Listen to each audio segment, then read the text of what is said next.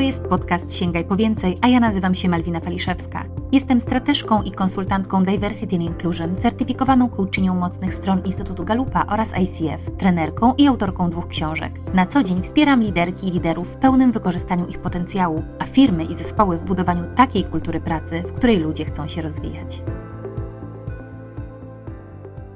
Witam Was bardzo serdecznie w noworocznym już odcinku podcastu. Nie wiem dokładnie jeszcze, kiedy usłyszycie ten odcinek, ale jest to pierwszy odcinek, który nagrywam w 2024 roku, a moją gościnią dzisiaj jest Ewa Ture, trenerka, mentorka, podcasterka.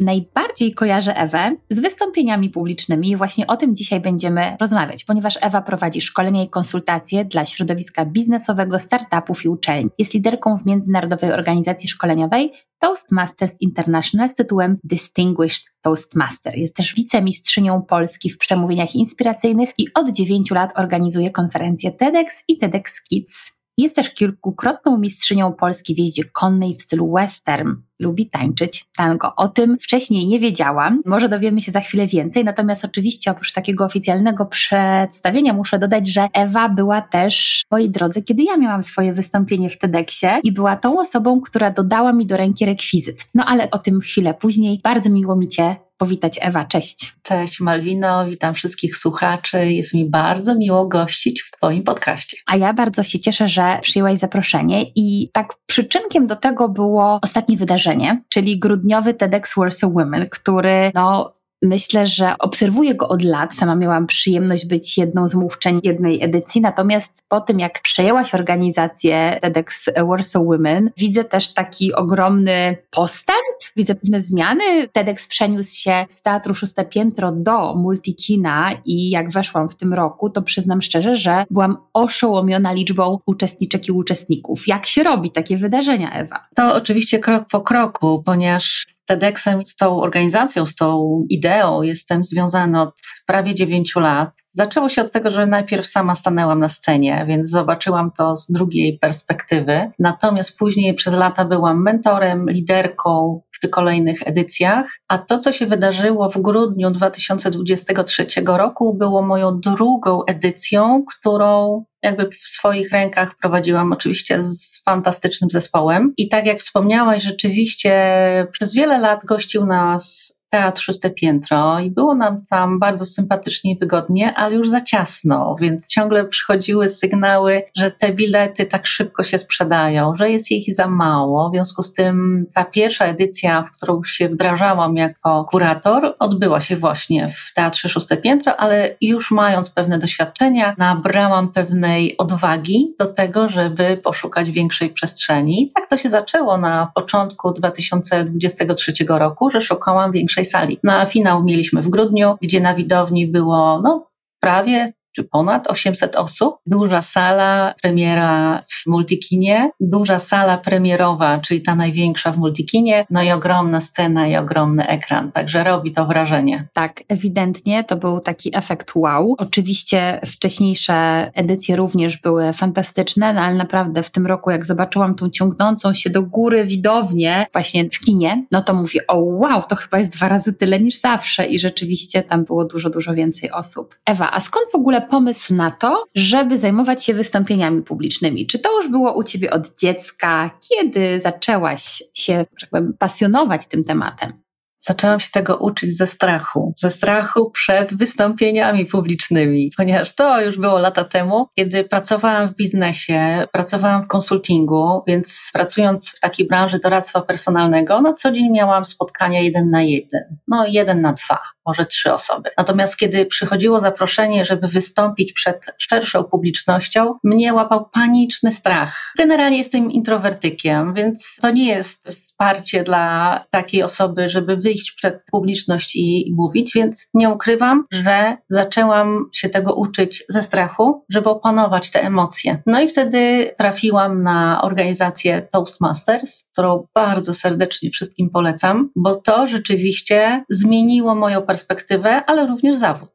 ponieważ z osoby konsultanta, który pracował jeden na jeden, po kilku latach oczywiście, ucząc się na sobie, korzystając z mentoringu, który jest też w klubie, nabrałam odwagi i zaczęłam doradzać innym właśnie w tym obszarze. Także dzisiaj, wiesz, Malwino, to czasami się odkrywa swoje talenty w trakcie pracy, prawda? I to było właśnie moje odkrycie, że ja to lubię, ja to uwielbiam, że mam tą smykałkę do tego, żeby widzieć, co można poprawić i widzę po swoich podopiecznych, czy to w TEDxie, czy to właśnie w biznesie, czy w Toastmasters, że te uwagi, które wyłapuję i daję, naprawdę dużo zmieniają. Ja tak pamiętam, że właśnie tak było z moim wystąpieniem, bo miałam swoją próbę, pracowałam z Justyną Szumińską, ale miałam swoją próbę i ty byłaś chyba głównodowodzącą. Tak, wtedy byłam liderką zespołu mentorów. Mhm. Tak, i pamiętam, że usłyszałaś moje wystąpienie i powiedziałaś, że no przydałoby się jeszcze coś, a że w moim wystąpieniu mówiłam o tym, jak jeden grapefruit może zmienić ścieżkę kariery, co oczywiście jest takim trochę... Zapraszamy do obejrzenia wystąpienia Malwiny. Tak, co oczywiście jest takim pewnie trochę nietypowym tytułem, ale ten grapefruit w tym momencie od razu wzbudził pewnie zainteresowanie. I te uwagi, które mi dałeś, były bardzo cenne. Także rzeczywiście ja potwierdzam na swoim przykładzie, że tak było, ale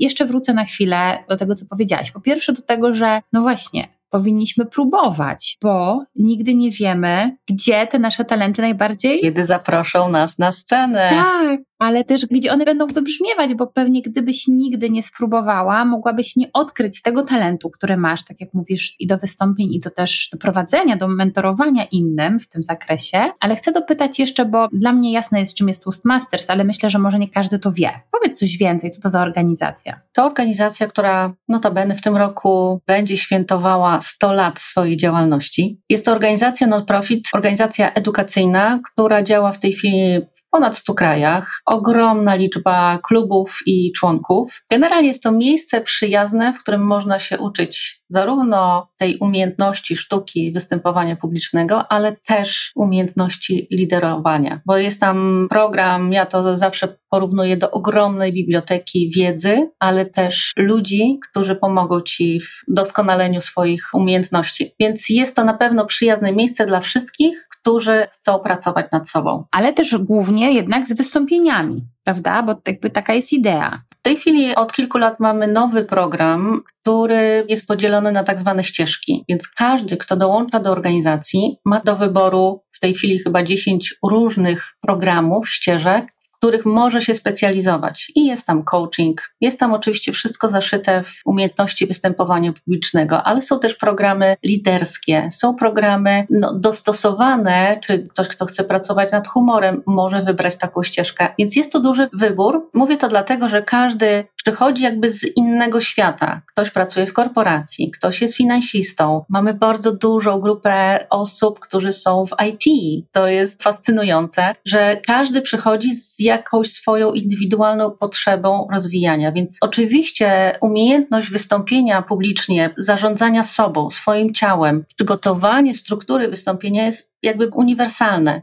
Natomiast każdy może wybrać taką specjalizację, w której chce się rozwijać. Więc jest tutaj naprawdę bardzo duży wybór polecam. A jeszcze zdradź proszę, jeżeli mówimy szczególnie, bo dzisiaj szczególnie na tych wystąpieniach publicznych się będziemy skupiać, jeżeli ktoś chce właśnie szczególnie nad tym popracować, to co, spotkania są co tydzień i każdy przygotowuje swoją umowę, potem to oceniacie, jak to wygląda? Każda nowa osoba, która dołącza do konkretnego klubu, bo kluby działają lokalnie w Warszawie, myślę mamy ich kilkanaście, natomiast można śmiało to też zobaczyć w wyszukiwarce na stronie toastmasters.org. Jest tam wyszukiwarka, gdzie możecie wpisać kraj, miasto i zobaczyć, czy w okolicy jest jakiś klub. Najczęściej spotkania są co tydzień. Klub, do którego ja chodzę od wielu, wielu lat. To jest klub, który zawsze we wtorek od 19 ma swoje spotkania w Warszawie i te spotkania się też samo organizują, to znaczy są organizowane przez członków danego klubu i struktura takiego spotkania wygląda najczęściej tak. Jest tak zwany z wieczoru, który przygotowuje swój wybrany temat, o którym opowiada w momencie, kiedy wchodzi na scenę. Natomiast jest również osoba, która przygotowuje i zaprasza do współpracy osoby funkcyjne, czyli główny oceniający, i mamy tam osoby, które zajmują się mierzeniem czasu. Jest też osoba, która wydaje dźwięki na instrumencie w momencie, kiedy pojawiają się tak zwane jęki namysłu. To są te wszystkie niepotrzebne y, e. I mamy też oczywiście mówców, którzy występują i mają oni swoich oceniających. Więc te dwie godziny spotkania jest tak napakowane, że jest tam dużo do posłuchania, do nauczenia się, do zainspirowania się, ponieważ mamy się również uczyć samym faktem oglądania. Więc bardzo zapraszamy gości, którzy mogą przyjść do naszego klubu trzy razy bezpłatnie, zobaczyć jak to wygląda, czy też zobaczyć każde inne spotkanie innego klubu i wybrać, czy jest to miejsce, w którym chce się kształcić. Fajnie, dzięki Ewa za przedstawienie tego, bo myślę, że dla wielu osób jest to taki pierwszy krok z takim ćwiczeniem wystąpień publicznych bardziej na poważnie i też pewnie nie przez przypadek tak wiele mentorów i mentorek, którzy działają przy TEDx, to są też osoby działające w Toastmaster. Bardzo dużo. Tak, dzielimy się, ponieważ przechodząc do tematu TEDxowego, myślę, że to jest właśnie to środowisko, ta idea, która pozwala właśnie podzielić się tą wiedzą, którą już się ma, doświadczeniem i tworzyć coś fantastycznego, co później oglądamy na scenie, czy później oglądamy na YouTubie gotowe już wystąpienia. I to jest ta chęć podzielenia się, żeby stworzyć coś pięknego. Myślę, że sama tego doświadczyłaś w momencie, kiedy współpracowałaś z mentorem, ale też samo przeżycie tego na żywo, czy to stając na scenie, czy będąc na widowni, to jest główna idea całego tego dnia wyjątkowego, do którego my jako zespół przygotowujemy się no, przez ładne parę miesięcy, to jest doświadczenie inspiracji, ale też integracji, zabawy, radości, dzielenia się czymś, co może zmienić świat tu lokalnie, ale też i globalnie. Więc to jest doskonałe przeżycie. Tak, to prawda. I też jest to doskonała okazja do świetnego networkingu, bo myślę, że TEDx jednak łączy ludzi takich bardzo otwartych, chętnych do współpracy, ciekawych w ogóle świata, więc mam takie poczucie, że też ci, którzy się zjawiają na TEDxie, czy to w roli mówców, mówczyń, czy też uczestników i uczestniczek, to są bardzo fajne, ciekawe osoby. No ale idąc od tego, TEDx to jest coś, o czym wiele osób po prostu marzy i marzy o tym, żeby być na tej scenie, żeby wystąpić. Jest to jednak magia czerwonej kropki. Sama pamiętam, jak ja bardzo marzyłam o tym i wydawało mi się kiedyś to nieosiągalne. No a jednak tak się stało, że udało mi się, że dokonałam tego, żeby być na tej scenie i jest to naprawdę niesamowite przeżycie. Natomiast Ewa, ty już od dawna pracujesz, wspierasz i mówców, mówczyni, organizujesz również sama wydarzenie. Od czego powinien zacząć ktoś, kto rzeczywiście ma jakąś ideę, którą chce się podzielić i od czego zacząć? Żeby stanąć na tej czerwonej kropce jako finał. To jest częste pytanie, jak dostać się na czerwoną kropkę. Mm, ja zawsze wtedy mówię, najpierw sprawdź na stronie centrali, czyli ted.com, jakie są już przyznane na dany rok licencje ponieważ każde lokalne wydarzenie jest na licencji. Tuż przed tym spotkaniem sprawdziłam na ten rok, czyli 2024, w Polsce mamy na ten moment przyznanych 18 licencji, z czego tak jak przejrzałam listę, większość to są wydarzenia uniwersyteckie albo młodzieżowe. Natomiast zawsze można próbować, ponieważ w naszym TEDxie, który organizuję z zespołem, czyli TEDx Warsaw Women, mamy zasadę, że co roku pojawia się tak zwany formularz zgłoszeń. W tym formularzu wpisuje się różne informacje, czyli jaki jest temat, który chcesz nam przedstawić, na czym polega idea, którą chcesz zawrzeć. Oczywiście też kim jesteś i co sobą reprezentujesz. Natomiast to, co bardzo ważne, to co podkreślam za każdym razem, dla nas organizatorów na pierwszym miejscu jest ciekawy temat.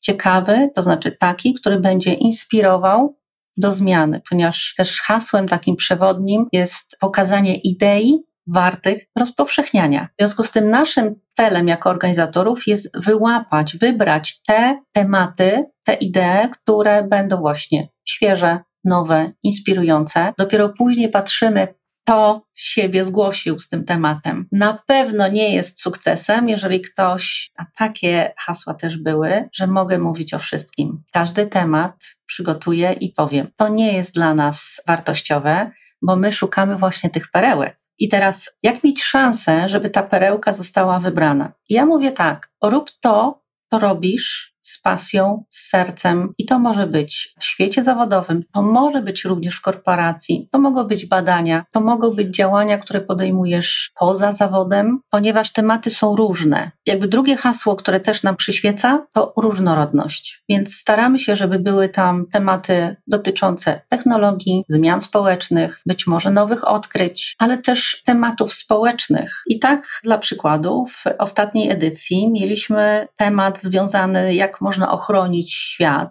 czy pomóc światu, produkując buty ze skórek jabłek czy jakim zagrożeniem są sieci, które są pozostawione w oceanach, ale też czy autentyczność nam się opłaca w naszym życiu. Ale też mieliśmy młodą dziewczynę, Kirę, która ze swojego 17-letniego doświadczenia życiowego opowiadała, jak to jest być czyli blaski i cienie na przykład liderowania w młodym wieku. Więc sama też widziałaś, słyszałaś te wypowiedzi. Wracając do pytania, ja mówię tak, rób to, co robisz z sercem. Przyjdzie moment, że masz chęć podzielić się tym, pokazać światu, to znajdź TEDx, który jest organizowany w Twojej okolicy, w Twoim kraju, po prostu zgłoś się. Więc ja mam takie hasło, szczęściu trzeba pomóc. Tak, trzeba o nie czasami zawalczyć albo utorować mu drogę, prawda? To, co ja obserwuję też, bo być może niektórym by się zdawać mogło, że TEDx Warsaw Women jest tylko dla kobiet, to, co ja obserwuję, że macie mówców, mówczynie na scenie. Wcale nie jest tak, że to są tylko takie tematy, które dotyczą kobiet albo że są dla kobiet. Stąd też chyba ta różnorodność, o której wspomniałaś. Różnorodność dotyczy również płci, wieku, zainteresowań. Tak, staramy się, żeby co roku panowie również stanęli na scenie. Nie zawsze się to udaje, ale nie dlatego, że ich nie zapraszamy, tylko dlatego, że w procesie selekcji to temat jest najważniejszy. Tu jeszcze dodatkowa uwaga dla tych, którzy chcą się zgłosić na przykład przykład do naszego TEDxu, to też polecam, żeby sprawdzili, jakie tematy były w ostatnich trzech latach na naszej scenie, bo staramy się również nie powtarzać tematów, które już były w miarę niedawno. Więc jak najbardziej, zarówno na scenie, jak i na widowni gościmy też panów. Tak myślę sobie, bo w sumie zapytałam, co trzeba zrobić, żeby być na scenie, więc powiedziałaś, że to musi być ten, ten ciekawy temat i to jest coś, co jest takim pierwszym wyróżnikiem, ale powiedziałaś, że na pewno odrzucacie osoby mówiące, zrobię wszystko, wszystko,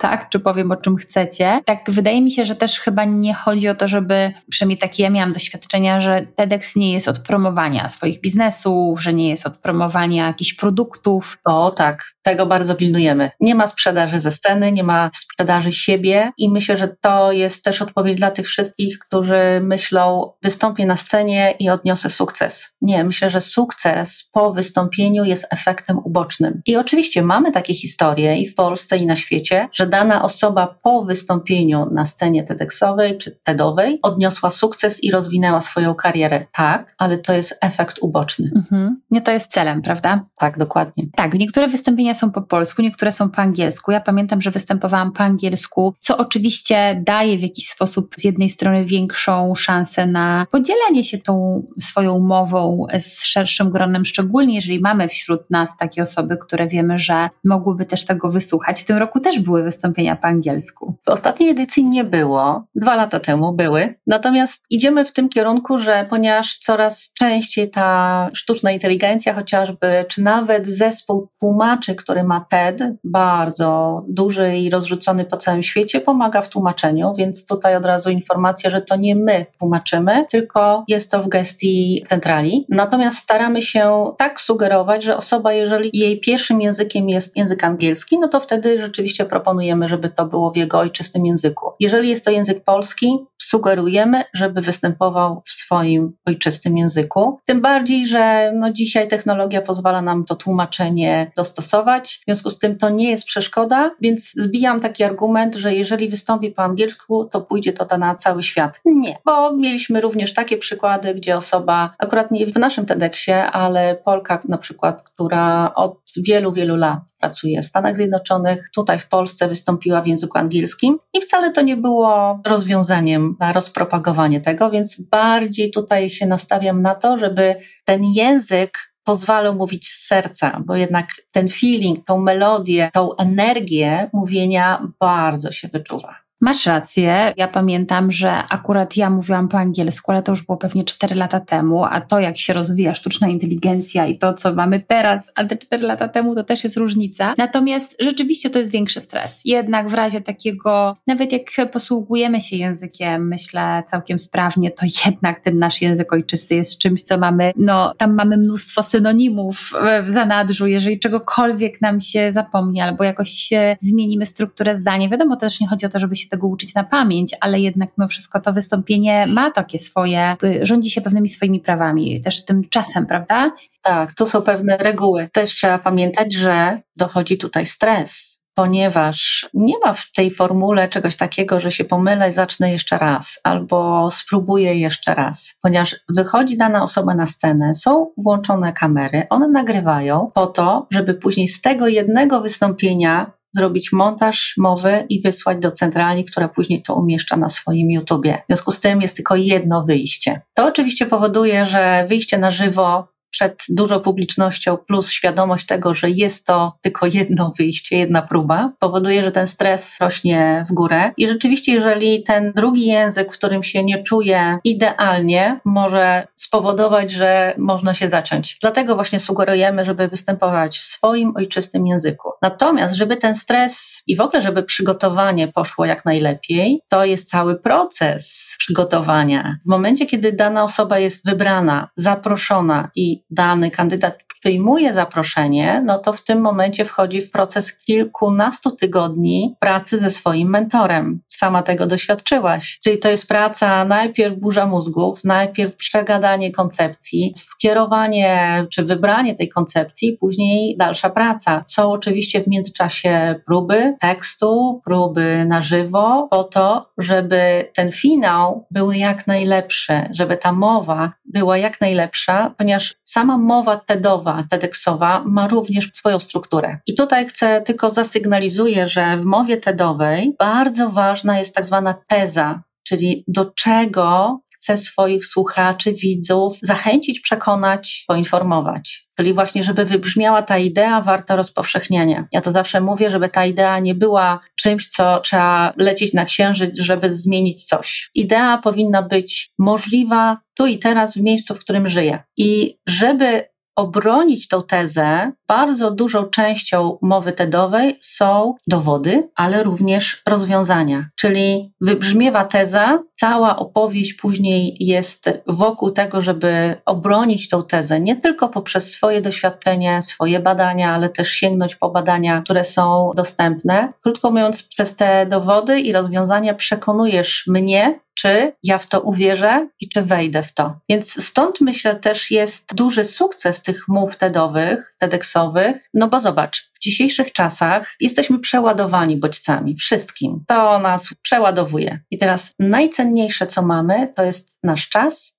i nasza uwaga co takiego jest w mowach TEDowych, TEDxowych, że tyle osób to ogląda, tyle osób chce to zobaczyć, ponieważ właśnie ta konstrukcja mowy TEDowej zawiera te elementy, które skupiają naszą uwagę, pobudzają emocje i zachęcają do czegoś, co jest inspiracją z tych mów. Więc to jest sukces tych mów. I to, co mnie bardzo cieszy, to od kilku lat ja przekonuję też biznes, coraz częściej takie szkolenie też prowadzę, jak występować w stylu TED. Czyli moją misją jest, żeby ten styl TEDowy jak najczęściej był właśnie w biznesie, żeby nie były to kolejne nudne wystąpienia, które trzeba przetrwać, tylko jednak, żeby one były ciekawe, emocjonalne i wnoszące coś. I naprawdę w ciągu tych 18 minut można wiele zawrzeć. No właśnie, więc mówisz, że wspierasz organizację, czy przekonujesz, żeby były to mowy w stylu TED. To na co warto zwrócić uwagę, oprócz tego, że mówisz, że jest tam jakaś teza do obronienia, że warto poruszyć emocje?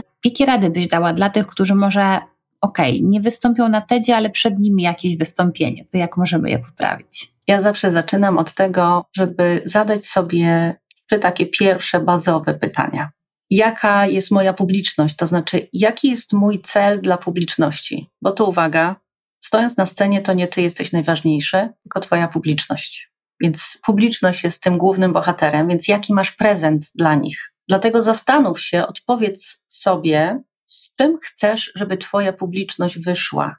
Czy to ma być prezent postaci informacji, która uspokoi, czy to ma być coś, co zainspiruje i spowoduje, że coś zrobią, czy to ma być mowa po prostu informacyjna, która mówi, co krok po kroku dana osoba ma zrobić, czyli z czym Twój widz ma wyjść po wysłuchaniu Ciebie. Czyli to jest cel dla publiczności. Drugie ważne pytanie, jaki jest Twój cel jako mówcy? Bo oczywiście nie robimy tego charytatywnie, nie robimy, nawet jeżeli nie bierzemy za to pieniędzy, to jednak mamy swój własny cel. I tutaj jest drugie pytanie do siebie: jaki jest mój cel? I to może być cel na przykład przedstawienie siebie jako eksperta w danej dziedzinie, albo to jest rozpropagowanie informacji, że tym się zajmuję. Czyli to mój osobisty cel, nawet jeżeli jestem przedstawicielem firmy X, to moim celem może być właśnie to. No i trzecie pytanie, jeżeli jesteś przedstawicielem firmy, instytucji, społeczności, to jaki jest cel też tej organizacji? Czyli celem dla firmy może być uspokojenie odbiorców, że są w dobrej kondycji finansowej albo że mają już rozwiązanie na coś. Czyli zobaczcie, trzy pytania i trzy różne cele, ale to wszystko można zaszyć właśnie w jednej prezentacji, gdzie są elementy, które odpowiadają na te pytania cel dla publiczności, mój cel i cel dla firmy. W związku z tym, mając jakby te główne odpowiedzi, dalej się zajmujemy tym przede wszystkim, ile mam czasu, gdzie występuję, w jakich okolicznościach, czy ta moja publiczność jest doświadczona, czy są nowicjuszami. Więc to są bazowe pytania, które powinny się pojawić w każdym przygotowaniu. Niezależnie, czy jesteś już ekspertem, który piąty raz występuje na danej konferencji, czy będziesz w tym środowisku po raz pierwszy. Bo jeżeli tego się nie odrobi, to możemy nie trafić ze swoim przekazem. Możemy rozjechać się, prawda, w tym, czego potrzebują ludzie, a tym, co jest naszym celem. Dokładnie.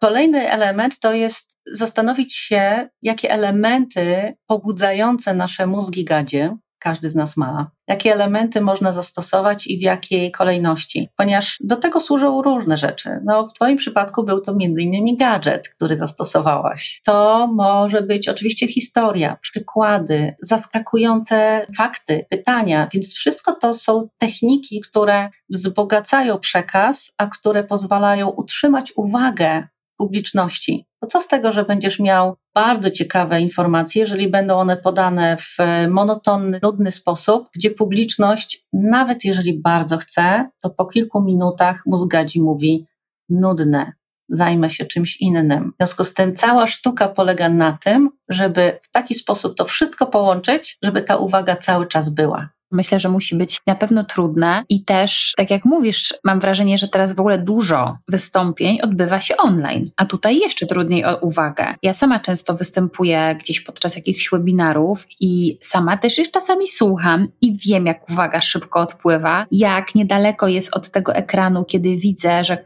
no po prostu słucham, wydaje nam się, że no tak, mam uwagę, słucham, ale to sprawdzę maila i natychmiast wyłączasz się z tej opowieści. Myślę, że to jest po prostu nawet wyzwanie dla mnie jako słuchaczki, kiedy czasami się zapisuję na jakiś webinar, żeby po prostu na nim utrzymać tę uwagę, no ale wyobrażam sobie, że z drugiej strony jest podobnie. I tak sobie też myślę, że Przynajmniej tak trochę pamiętam ze swoich doświadczeń, że mowę TEDxową akurat, ale myślę, że każdą się nieustannie skraca, bo ja pamiętam, że chyba nawet na moim wydarzeniu to nawet nie miało być 18, tylko chyba 15 albo 13 minut. Tak, już nawet TED sygnalizuje, centrala sugeruje, żeby dzisiejsze wystąpienia TEDowe, które oczywiście mają maksymalnie 18 minut, skracać do 12 10 minut, ponieważ dzisiejsze czasy właśnie no, zmuszają do tego, żeby kondensować, żeby powiedzieć bez dodatkowego, jak to się mówi, lania wody. I myślę, że to również jest w biznesie bardzo wskazane, żeby powiedzieć konkret bez tych wszystkich niepotrzebnych dodatków. Powiedziałaś chwilę wcześniej, że to trudne. To trudne, jeżeli chce się wszystko naraz poprawić, zmienić. Ja mam taką zasadę i zawsze swoim podopiecznym mówię: nie wszystko naraz. Nawet jeżeli pracujesz w korporacji, nie masz czasu, bo to jest nagminne, nie mam czasu się przygotować. To ja mówię tak, zaplanuj sobie to, jakby na kartce jest schemat prezentacji, który można po prostu jak klocki domino połączyć. Ale jeżeli jesteś na początku tej drogi albo chcesz się zmieniać, doskonalić, to ja mówię, skup się na jednej rzeczy. Na przykład Jeżeli czeka cię kolejne wystąpienie, możesz skupić się na tym, żeby utrzymywać kontakt wzrokowy. To jest jedyna rzecz, na którą zwracasz uwagę przy kolejnym wystąpieniu. Przy kolejnym, następnym możesz się skupić na zarządzaniu swoim ciałem, czyli jak Twoje ciało się zachowuje podczas tego wystąpienia. Jeżeli brakuje Ci tej uwagi na siebie, to zawsze możesz poprosić kogoś: Słuchaj, dzisiaj mam wystąpienie przed zarządem. Czy możesz, patrząc na mnie, słuchając mnie, skupić się na tym, co robię z rękami? I teraz ta osoba życzliwa nam, ale szczera, powie: Słuchaj, kiedy stoisz, to robisz piramidkę, która już jest pase, więc zwróć na to uwagę. Albo trzymasz ręce z tyłu, co nie jest dobrą pozycją, albo bujasz się na swoich nogach, więc zwróć na to uwagę. Więc nie wszystko musimy zrobić sami, ale po kolei systematycznie ta samoświadomość wtedy rośnie, a z doświadczeniem przychodzi też łatwość zarządzania tym. Mhm. Myślę, że też dobrze się jeszcze sami nagrać, bo wtedy. O tak, nie lubimy tego. O, nie lubimy tego. To jest ten moment, kiedy o Boże, co się tam dzieje, prawda? Widzimy te wszystkie swoje po prostu latające oczy. Ale czasami jest to ta terapia szokowa. Pamiętam siebie na początku właśnie w Toastmasters, kiedy otrzymywałam informację zwrotną, że kiedy zmieniam miejsce na scenie, to patrzę w dół, czyli opuszczam wzrok ileś razy to usłyszałam. Mówię, no dobrze, no mam świadomość, ale za każdym razem robiłam to samo. Do momentu, kiedy siebie obejrzałam. Mówię, o Boże, ja opuszczam wzrok. W ogóle głowa w dół, w nogach. I to był ten moment, czyli ta terapia szokowa czasami jest potrzebna, bo od tego momentu przestałam opuszczać głowę. No właśnie. Więc warto czasami siebie zobaczyć. Ale to są też takie sytuacje, kiedy przypomina mi się z jakiegoś kursu, czy już nie pamiętam co to było, ale miałyśmy z jakimiś dziewczynami właśnie jakaś była inicjatywa pewnie kobieca, właśnie taką sytuację, kiedy ćwiczyłyśmy mowę i pamiętam, że koleżanka weszła na scenę i pierwsze co zrobiła, to podciągnęła sobie rajstopy tak spod sukienki i strzeliła jeszcze z tych rajstop i po prostu to było. No, na pewno zwróciła uwagę na siebie. Tak, no, a szczególnie po prostu jak oglądałyśmy to już później na wideo. Ja tak samo pamiętam siebie, gdzie stałam z rękami z przodu, jakoś tak jak taka mała dziewczynka, po prostu, która w ogóle nie jest kobietą, tylko stoi jak taka no, dziewczynka, która nie wie po co się tutaj znalazła. Więc też myślę, że to ciało nam może bardzo pomagać, nie? że jak się wyprostujemy. Bardzo, bardzo. Mam takie ulubione powiedzenie, że jak ktoś tak chodzi po scenie, ciągle zmienia miejsca, to mówię, no aha, w ruchomy cel trudniej trafić. Jest, ten stres nas czasami nieświadomie kieruje. Po kolei, wszystko przychodzi z doświadczeniem. Warto czerpać też z doświadczeń innych, warto oglądać i tu pięknie do tego służą też wystąpienia TEDowe. Wystarczy na głównej stronie wybrać te, które są najczęściej oglądane czyli te, które mają kilkanaście milionów odtworzeń i po prostu oglądać. Oglądać. Ja uwielbiam, często stosuję też przykłady z tych wystąpień na szkoleniach, gdzie konkretne rzeczy mówię, zwróćcie uwagę, jak dana osoba zarządza, albo jak rozpoczyna swoje wystąpienie, żeby nie zaczynać od dzień dobry, nazywam się i mam dla Państwa dzisiaj taki temat. Nie to już jest passe. Więc wymyśl coś takiego, że w pierwszym zdaniu, w pierwszych 30 sekundach ściągniesz uwagę publiczności, bo wtedy masz szansę, żeby dotrwali z tą uwagą do końca. Więc jest to sztuka, ale to tak jak jazda na rowerze. Kiedyś nie umieliśmy, uczyliśmy się, a teraz już umiemy. Mhm, czyli praktykujemy. No a ty na pewno możesz coś o tym powiedzieć, bo jak cię przedstawiałam, to powiedziałam, że jeździłaś konno i to w ogóle dowiedziałam się, że byłaś mistrzynią kilkukrotną w jeździe konnej w stylu western. Co to znaczy? No tak, mając 30 parę lat, zaczęłam spełniać swoje marzenia, nigdy nie zrealizowane, czyli jeździć konno, to znaczy uczyć się jeździć konno. Oczywiście najpierw to były tak zwane szkółki jeździeckie gdzieś tam w Warszawie okolicach, które spowodowało, że parę razy spadłam z konia, czyli te doświadczenia były bardzo bolesne, trudne. Zarzuciłam to na jakiś czas, ale po kilku miesiącach zadzwonił znajomy, powiedział: Słuchaj, w Twojej okolicy pod Warszawą otworzyła się nowa stajnia, stajnia w stylu western. I ja najpierw w ogóle nie wiedziałam, co to znaczy, więc przyjechałam tam z ciekawości i co się okazało? Bo wiesz, konie te szkółkowe klasyczne są cwane. Jak one pracują codziennie z różnymi osobami, to one robią wszystko, żeby się nie zmęczyć. I nawet cię straszą zębami, żeby tylko zrobić jak najmniej. No w każdym razie, kiedy trafiłam do tej nowej stajni westernowej, okazało się, że tam jest zupełnie inne podejście do kontaktu z koniem. I to były moje pierwsze takie początki właśnie poznawania w ogóle świata, myślenia koni, filozofii, ich natury, bo jak się później okazało, no, tym stylu, który oczywiście wywodzi się z pracy kowboi w Stanach, gdzie koń potrzebował być partnerem, którego nie trzeba ujarzmiać, tylko współpracuje z tobą. No i oczywiście ten sport jest bardzo powszechny właśnie w Stanach, ale w Europie też w Austrii, we Włoszech, a w Polsce to były właśnie początki. Więc bardzo mi się to spodobało, że to jest taka zupełnie inna filozofia podejścia i współpracy. Pamiętam taki moment, gdzie w Polsce były właśnie pokazy konne, gdzie ci ówcześni mistrzowie Polski, mi się wydawało, że oni w ogóle tym koniem, że ten koń ma jakiś joystick w sobie, że nie było widać ruchu ręki, a ten koń robił cuda. Więc myślę sobie, kurczę, ja też tak chcę. I oczywiście, jak z każdą umiejętnością, to są godziny, miesiące, lata ćwiczeń. No i przyszedł taki moment, że zapragnęłam mieć swojego konia. To oddzielna historia, jak znalazłam tego konia, bo został kupiony od księdza proboszcza. To tylko tyle wspomnę. Ale był zielony, tak samo jak ja, więc pod okiem trenera zaczęliśmy się uczyć. No i po kilku latach zaczęłyśmy startować. W związku z tym początki zawsze są trudne. To jak w występach publicznych nie udaje się, nie wychodzi, ale za tym kolejnym razem, o, to mi wyszło dzisiaj dobrze. I myślę, że to jest taki dowód na to, że wytrwałość i praca po prostu daje efekty. I były takie lata, gdzie jako amator zupełny. Startowałam, czyli najpierw były eliminacje oczywiście, startowałam kilka razy przez kilka lat w e, Mistrzostwach Polski, które zawsze odbywały się na Partynicach we Wrocławiu, więc wielka hala i występy, sędziowie i tak dalej. No i myślę, że dzisiaj z dumą mogę powiedzieć, że trzy lata pod rząd zdobywałam właśnie tytuł mistrzowski. To dla mnie było arcy fascynujące, ale też bardzo, bardzo się z tego cieszyłam. A drugi efekt taki uboczny, z którego do dzisiaj się bardzo cieszę, to to, że moja córka, która miała chyba 6 lat, jak zaczęła się uczyć razem ze mną, tak się wkręciła w to, też startowała. Dzisiaj jest trenerem jeździectwa w stylu western, więc przejęła pałeczkę już jako zawodowiec. Super, fajnie. To też jak słucham i opowiadasz o tym wejściu do Toastmasters, a potem wejściu do tej stajni w stylu western, to widać, że jesteś taką osobą chyba bardzo ciekawą świata i otwartą. Tak mi tutaj galupowo jakimś learner. Ja nawet sprawdziłam, bo lata temu zrobiłam sobie galupa. Co tam masz? To już ci mówię. Bliskość, elastyczność, intelekt, zgodność. Ale coś jeszcze, bo tylko cztery powiedziałaś. Nie znalazłam. Gdzieś jest, ale nie znalazłam. No, tam może wiesz, ta pierwsza piątka to nie wszystko, zwykle ta dziesiątka gdzieś, ale tak. Może też ta elastyczność, która lubi po prostu, jak próbuje, może różnymi ścieżkami przejść w różne momenty. Tak, ale ja mam, wiesz co, taką duszę sportowca, bo ja przez całe szkołę podstawową, liceum i studia uprawiałam sport, lekkoatletykę, więc gdzieś tam mnie ciągle pchało do tego sprawdzenia się,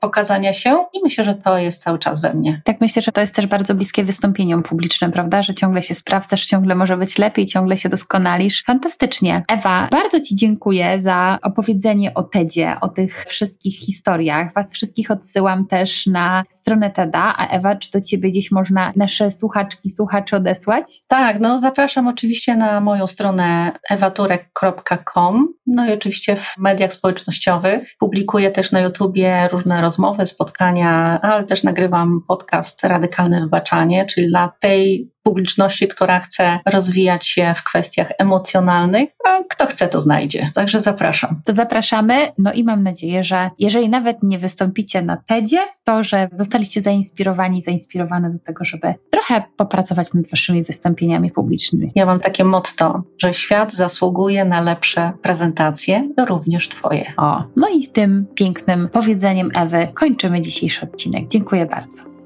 Dziękuję. Jeśli podobał Ci się ten odcinek, udostępnij go znajomym. Podziel się komentarzem na LinkedIn, Instagramie lub Facebooku i włącz się do dyskusji w temacie tej rozmowy. Zasubskrybuj mój kanał, aby być na bieżąco z najnowszymi odcinkami. I powodzenia w Twoim sięganiu po więcej.